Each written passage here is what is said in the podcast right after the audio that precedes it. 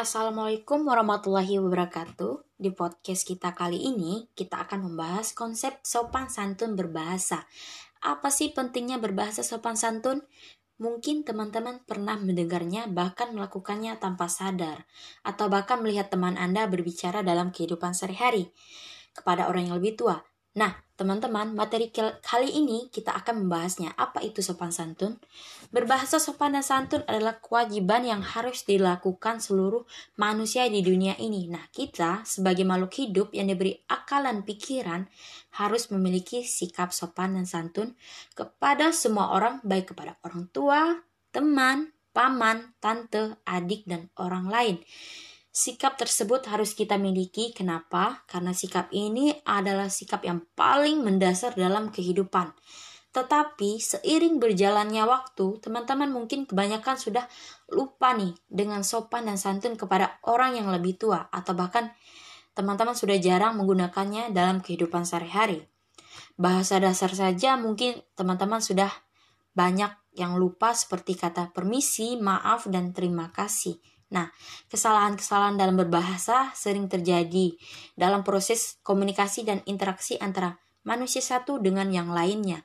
Interaksi itu dapat terjadi pada proses pembelajaran. Nah, kesalahan ber berbahasa tersebut itu dapat terjadi pada proses pembelajaran. Kesalahan tersebut bisa terjadi disengaja maupun tidak disengaja yang dilakukan oleh anak-anak, orang dewasa maupun remaja. Adapun penggunaan bahasa yang tidak sopan seperti kata kau, ko, entah, nih, enggak termasuk bahasa yang tidak sopan ketika kita e, berbicara dengan orang tua, teman, dan orang yang lebih tua. Saat ini masyarakat sedang mengalami perubahan menuju era globalisasi.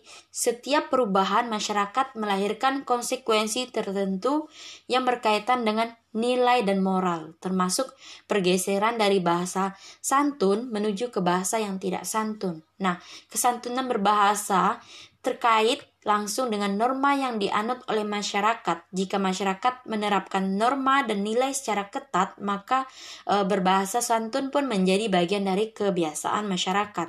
Nah, selain itu, pembelajaran di sekolah merupakan salah satu peristiwa tutur yang dapat kita amati.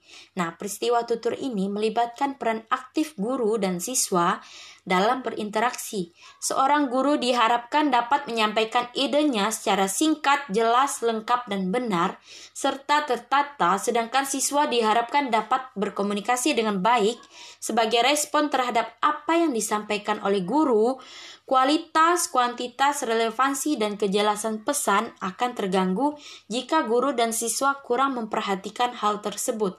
Hal ini akan berakibat tidak maksimalnya berkomunikasi yang dilakukan sehingga e, interaksi menjadi kurang efektif. Dalam berkomunikasi dan sopan dan santun dalam berbahasa akan terjadi interaksi jika ada yang bertanya dan ada yang menjawab dan seterusnya. Sebuah interaksi sosial akan terjalin dengan baik jika syarat-syarat tertentu terpenuhi. Salah satunya adalah kesadaran akan bentuk sopan santun.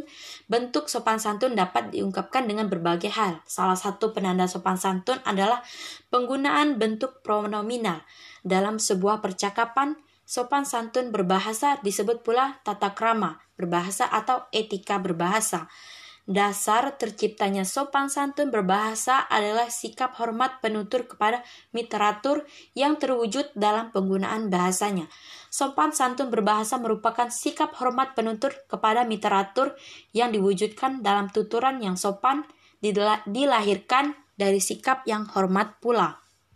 Nah, para ahli mengemukakan bahwa sopan santun berbahasa adalah seperangkat prinsip yang disepakati oleh masyarakat bahasa untuk menciptakan hubungan yang saling menghargai antara anggota masyarakat pemakai bahasa yang satu dengan anggota yang lainnya.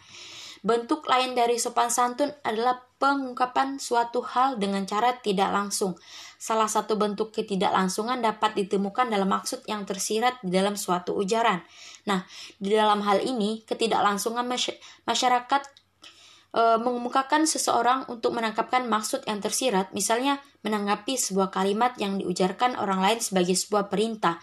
Maksud yang terkandung di dalam ujaran itu disebut implikatur. Nah, untuk memahami apa yang terjadi dalam sebuah percakapan, misalnya kita harus mengetahui siapa saja yang terlibat di dalamnya, bagaimana hubungan dan jarak sosial di antara mereka, atau kita bisa melihat status relatif di antara mereka. Nah, di dalam sebuah percakapan juga harus e, berusaha agar apa yang dikatakan relevan dengan situasi di dalam percakapan itu, jelas dan mudah dipahami oleh penggunanya, sehingga orang lain juga dapat menangkap maksud tersirat yang terkandung di dalam ujaran tersebut. Nah, seorang dikatakan uh, santun apabila dalam berkomunikasi bisa yang pertama yaitu menjaga suasana perasaan lawan tutur. Yang kedua, mempertemukan perasaan dengan perasaan lawan tutur. Yang ketiga, menjaga agar tuturan dapat diterima oleh lawan tutur. Yang keempat, menjaga posisi lawan tutur.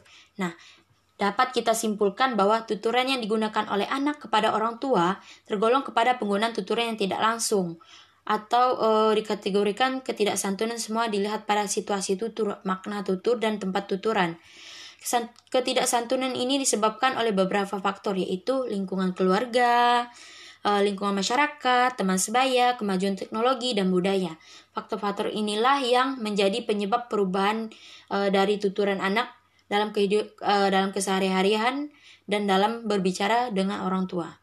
Berdasarkan penjelasan di atas, dapat kita berikan saran kepada orang tua dan anak. Yang pertama yaitu anak hendaklah dalam berkomunikasi dengan orang tua mengutamakan yang namanya e, kesantunan dalam bertindak tutur. Yang kedua, untuk mengurangi ketidaksantunan anak dalam berbicara kepada orang tuanya, hendaklah para orang tua memberikan eh, nilai-nilai uh, yang bagus dalam bersikap dan menghormati orang tua dan juga orang tua harus mengawasi uh, pergaulan anak mereka agar anak tidak salah dalam bergaul.